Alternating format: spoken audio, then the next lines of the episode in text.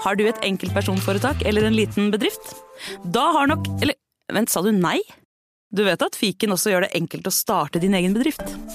Fiken superenkelt regnskap. Ja, og hjelp til å starte egen bedrift, da. Nyt sommerferien på Prime. I'm here to show you a wonderful place. Had a rough week. Opplev spennende turer. Så kan dette bli veldig farlig. Finn sommerkjærligheten. You're like a Coachella. Hi. Hi. Se på Fallout, Furia eller The Idea of You. Og gjør deg klar for en sommer full av eventyr. Bare på Prime. Krever abonnement på Prime Video. Velkommen til Kjemperådet! Hey! Vi har fått inn et kjempenytt problem fra en mor.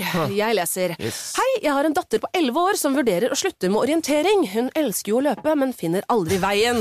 Og jeg må sitte så lenge i bilen og vente. Ja, Yes, men ja dette her har jeg opplevd selv, faktisk. Og løsningen for meg ble da Maps på mobilen. Ja, hun er jo under 13 år. og Da får hun 5 gigabyte data for bare 149 kroner med Telenor. Oi. Hun bør jo sjekke ut nye mobilabonnement på telenor.no, da. Yes! Advarsel. I denne podkasten vil du høre historier basert på informasjon programlederne har funnet selv. Programlederne står ikke nødvendigvis inne for meninger og syn som fremstilles. Noen påstander kan avvike fra virkeligheten.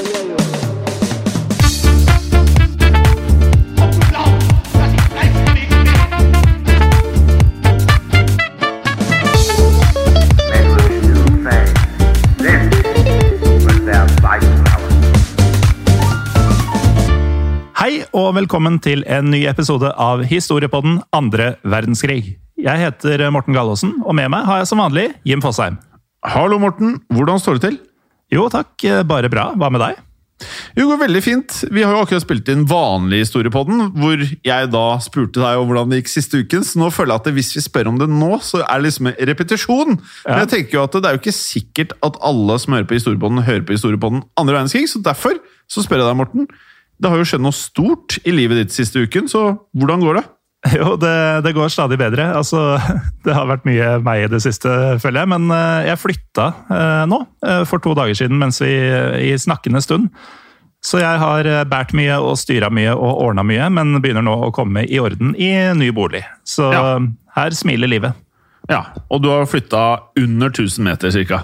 Ja, Google Maps hevder at det er 700 meter fra forrige adresse til min nåværende. Ja. Men allikevel, så det er ikke så mye mindre jobb med å flytte.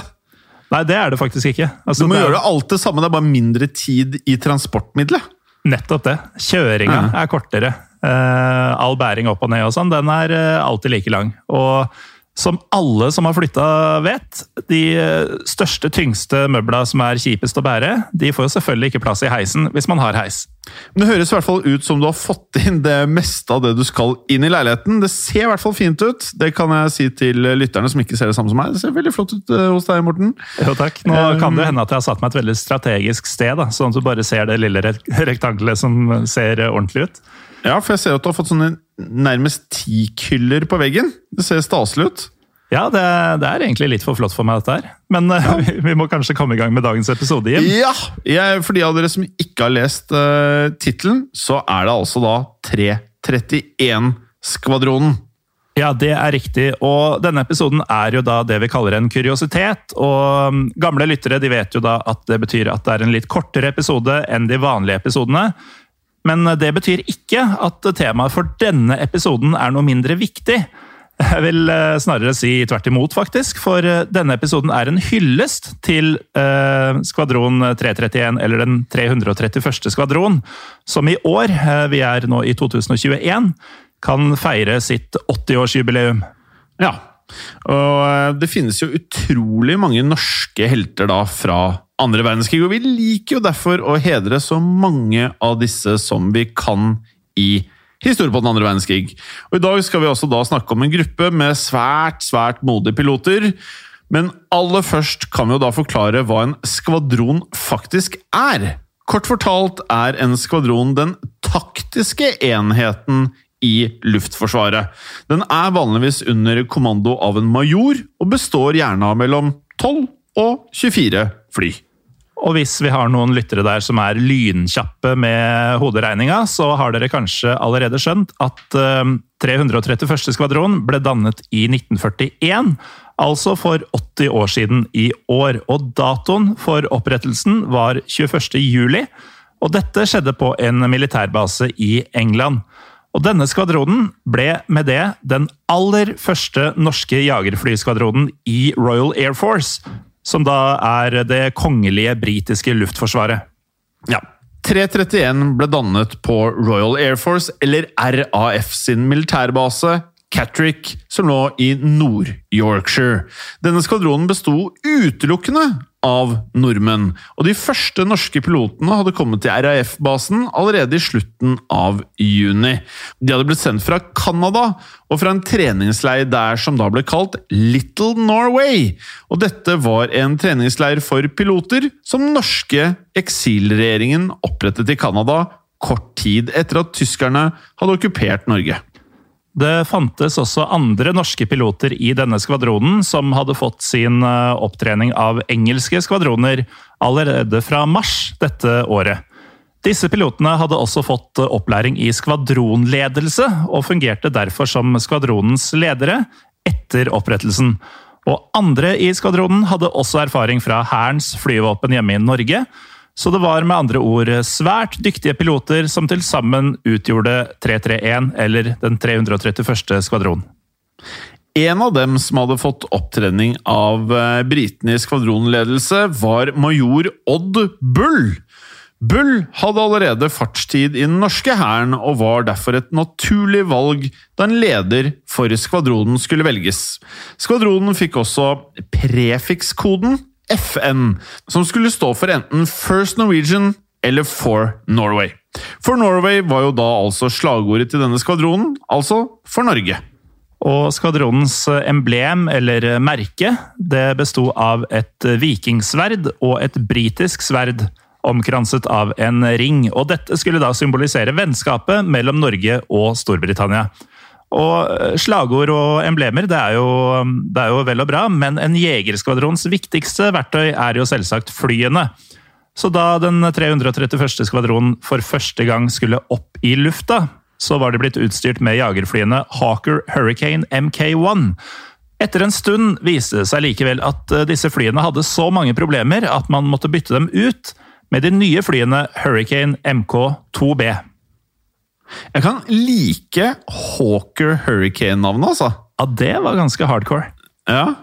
Um, den 21. august 1941 ble skvadronen flyttet fra Catrick i Storbritannia til RAF-basen Castletown i Skottland.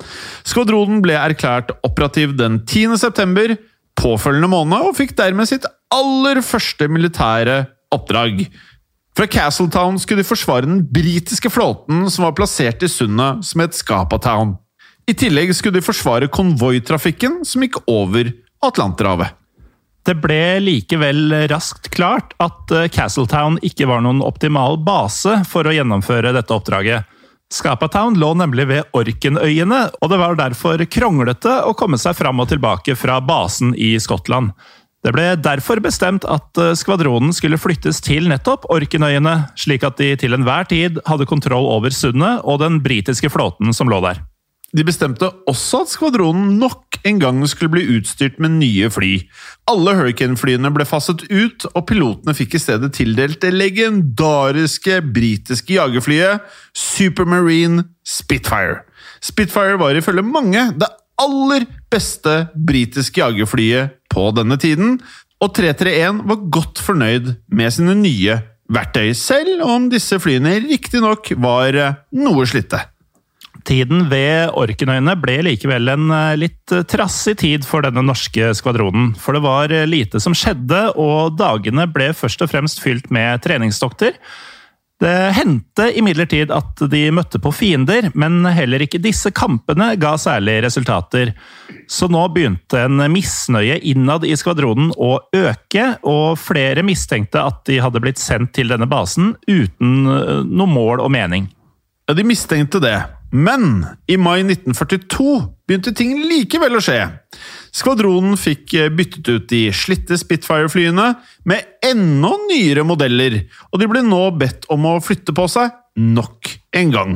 Og denne gangen skulle de da dra til RAF-basen Northwield, som da lå i Essex i England.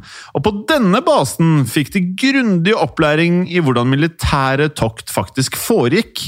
Deres nye oppdrag ble å forsvare London sammen med den beryktede Eleventh Group. Og Eleventh Group det var en britisk skvadron av jagerflypiloter som allerede hadde gjort seg svært bemerka for sin innsats i den såkalte Battle of Britain i 1940. Så 331 skulle altså i kamp sammen med noen av de aller beste flygerne Storbritannia hadde. Så med andre ord så ble oppholdet på Northweld langt mer innholdsrikt enn oppholdet på Orkenøyene hadde vært. For her tok skvadronen del i luftkamper mot tyske fly og en rekke andre angrep på fiendtlige fartøy. Det stemmer. Og i august 1942 deltok 331 i Dieppe-raidet, der de allierte prøvde å ta seg i land ved den naziokkuperte havnebyen Dieppe, som ligger da i Nord-Frankrike. Og på dette tidspunktet hadde allerede skvadronen skutt ned en rekke fiendtlige fly, og hadde derfor fått en høy stjerne i RAF. Og ikke bare ble de hedret av de allierte, men de ble også fryktet av nazistene. Og dette skulle skvadronen fortsette med det neste året. Hver eneste dag gjennomførte de operative tokt, og gjorde dette svært godt. Men krigens alvor ble likevel spesielt tydelig for skvadronen i denne perioden. For flere av deres piloter ble skutt ned av fienden og mistet livet. Men dette stoppet ikke 3-3-1 fra å fortsette kampene. På slutten av dette året ble de tildelt betegnelsen Top Scoring Squadron, og hadde med det utkonkurrert samtlige britiske jagerskvadroner. Og det sier jo litt, Jim, med tanke på hvem de uh, fløy sammen med. Ja, dette er ganske vanvittig. Altså, Eleventh Group var jo, som vi var innom uh, helt kort her i sted, altså, de var jo kjente. Altså, De var jo mm. innenfor RF sett på som noen av de aller flinkeste i, i det de drev med. Nettopp. Og her er det altså da en gjeng med nordmenn som bare liksom går rett i topps, da. Tidlig i 1944 så drev skvadronen fremdeles med å kjempe mot tyske tropper fra Northwield, men i mars fikk de enda et nytt oppdrag. De skulle nå flytte seg til Sør-England og sette opp en base nær kanalkysten. Og derfra skulle de da bombe tyskernes utskytningsrampe for V1-rakettene, som vi har pratet om i mange episoder, både i historiebåten og i historiebåten andre verdenskrig tidligere. Ja, de er en gjenganger. De er en gjenganger. Eh, og som vi skjønner, og som alle lytterne av disse episodene da faktisk skjønner, at dette var jo enormt viktige mål. Spesielt da med tanke på hvor mye skade disse rakettene gjorde på London og også andre deler av England. Ja, og på dette tidspunktet i krigen så hadde jo ting begynt å eskalere. Da de allierte storma inn over Normandie i juni 1944, ble derfor 331 kalt inn til tjeneste. De var med fra lufta da styrkene beveget seg innover i Frankrike, og fra lufta så bidro de med å rydde vei for bakketroppene, og kjempa samtidig mot tyske jagerfly. Og etter hvert som de allierte kom seg framover, så begynte skvadronen å operere fra feltflyplasser lenger inn i landet. Det stemmer. Men neste perioden ble den aller mest krevende, etter hva vi forstår, for Skvadron 331 under krigen. De deltok på dette tidspunktet i svært mange oppdrag, og mistet utrolig mange piloter, faktisk hver eneste dag.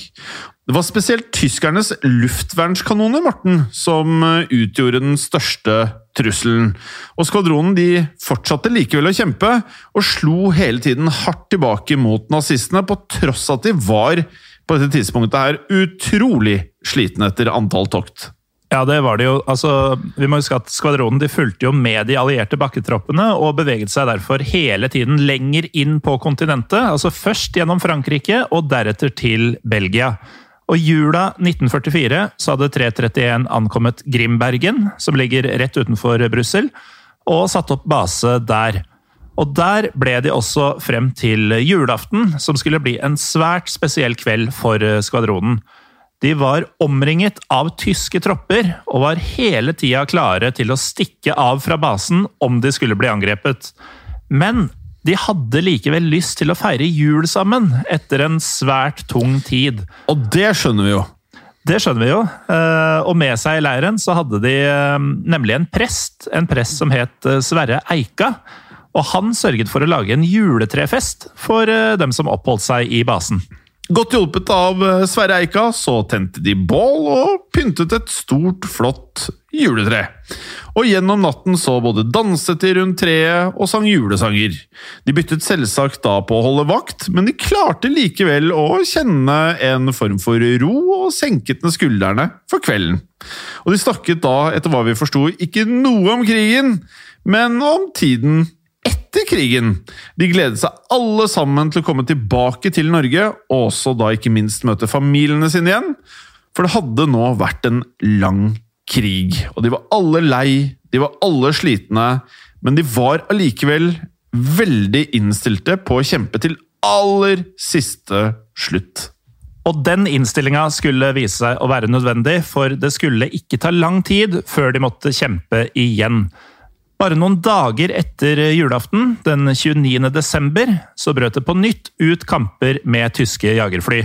I løpet av denne konfrontasjonen så klarte den norske skvadronen å skyte ned hele 16 fiendtlige fly, men mista også selv fire fly i disse kampene. Og dette ble en av de aller siste kampene skvadronen deltok i under krigen.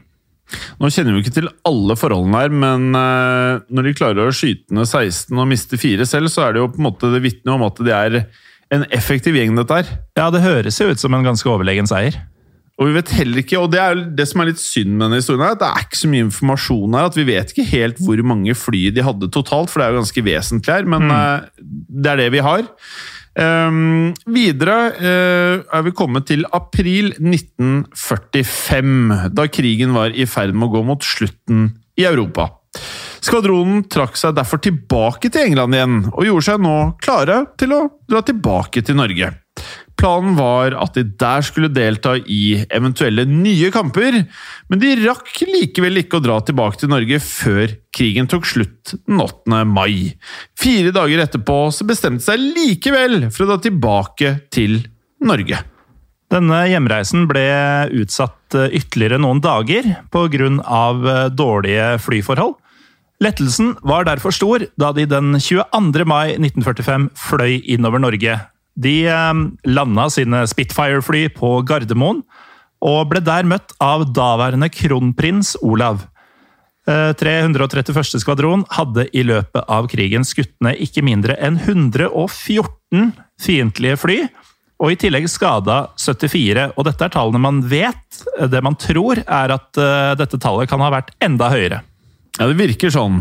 Og i høsten 1945 ble 331-skvadronen offisielt overført fra RAF, og da videre til det norske luftforsvaret, faktisk. Og skvadronen ble i praksis lagt ned i 1947, men gjenoppsto faktisk da kort tid etter dette. Og siden den gang så har skvadronen vært svært viktig for Norge, og deltatt i en rekke militære operasjoner i utlandet. Og i dag er skvadronen stasjonert ved Bodø hovedflystasjon, men skal etter planen flyttes nå til Ørland hovedflystasjon i Trøndelag. Ja, og det er altså, som vi nevnte tidligere, 80 år siden 331 ble opprettet i England, og deres innsats under andre verdenskrig den er det veldig vanskelig å overdrive eller overvurdere. De var altså en svært viktig aktør for både Norge og Storbritannia, og generelt for de allierte.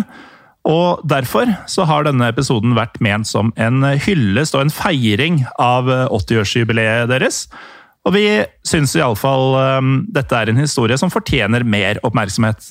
Ja, og igjen, så hvis du sitter der hjemme og du vet om noen bøker, eh, du har noen avisartikler eller et eller annet med informasjon om eh, 331-skvadronen, så del det gjerne på Facebook-gruppen vår Historie for alle.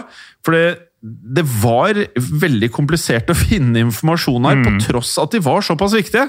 Så det, det, da blir det jo en eh, ja, en liten sånn herre Med kuriositetene så får vi jo da hedret dem, men det blir jo ikke all verden med informasjon annet enn at vi sitter igjen med at de gjorde et fantastisk eh, viktig arbeid under annen verdenskrig. Ja, og akkurat det er jo litt frustrerende. da. Vi, for alt vi lærte om eh, denne skvadronen under forberedelsene, så fikk vi jo lyst til å vite enda mer om detaljene rundt det vi snakka om og sånn, men det er altså vanskelig å oppdrive mye um, kredibel informasjon da, om, eh, om større detaljer her. Så vi vet jo at det fins folk der ute som kanskje er etterkommere av noen av pilotene her som sitter på noe ordentlig, eh, ordentlig saftig informasjon som det hadde vært kjempefint å dele med eh, ja, lytterne og med dere som er medlemmer i Historie for alle. Mm.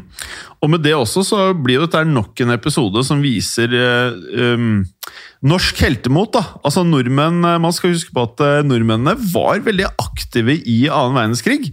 Og man tenker jo veldig ofte sånn umiddelbart på de som faktisk da var i Norge hele tiden. Men det var så utrolig mange nordmenn som ikke var i Norge også, som gjorde fantastisk eh, viktig arbeid. Og dette her er bare noen av dem. Og det kommer mye mer av disse typer episoder også fremover i historiepodden på den andre verdenskrig. Definitivt. Og um, apropos historiepodden uh, og historie på den andre verdenskrig, så har vi også en Facebook-side og en Instagram-profil som begge heter uh, Historiepodden Norge. Så um, bli gjerne tilhenger eller følger av uh, disse også. Og da, Jim, er det bare én ting igjen å si. Det har skjedd. Og det kan skje igjen. Kanskje. Kanskje. Ha det bra. Ha det! I produksjonen av Historiepodden så ønsker vi å takke Håkon Bråten for lyd og musikk. Takk til Felix Hernes for produksjon. Takk til Ellen Froktenestad for tekst og manus. Og takk til deg, Morten Galesen, for programlederrolle. Og takk til deg, Jim Fosheim, for programlederrolle. Moderne media. Er det enkelt nok for kundene dine å betale? Med betalingsløsninger fra Svea kan du tilby samme fleksible løsning på nett og i fysisk butikk. Svea vår jobb, din betalingsløsning. Enklere, raskere. Nå er det maifest i Kiwi. Det feirer vi med å presse prisene på frukt og grønt, reker, wienerpølser og mye annet. På ca. 1,3 kilo wienerpølse fra Gilde presser vi prisen fra 117 helt ned til 99 per kilo. På størrelse 70-90 frosne reker i løsvekt presser vi prisen fra 99 helt ned til 89 per kilo. Og på 5 kilo reker presser vi prisen fra 399 helt ned til 349 for hele esken. For det er vi som er prispresserne, og vi i Kiwi gir oss aldri på pris. Hei, og takk for at du hører på denne podkasten. Bøddel er en miniserie som tidligere har blitt publisert i Untold, men ut mai vil du få tilgang til denne samt en rekke andre miniserier og ukentlige episoder av Moderne Media sine podkaster. Du finner Bøddel og andre podkaster som Henrettelsespodden helt reklamefritt i Untold. Som en liten smakebit så får du hver uke i mai en ny episode av disse podkastene, som vanligvis kun er tilgjengelig for Untold-abonnenter. Hvis du liker det du hører, så bør du laste ned Untold, eller gå til untold.app for å starte ditt abonnement i dag.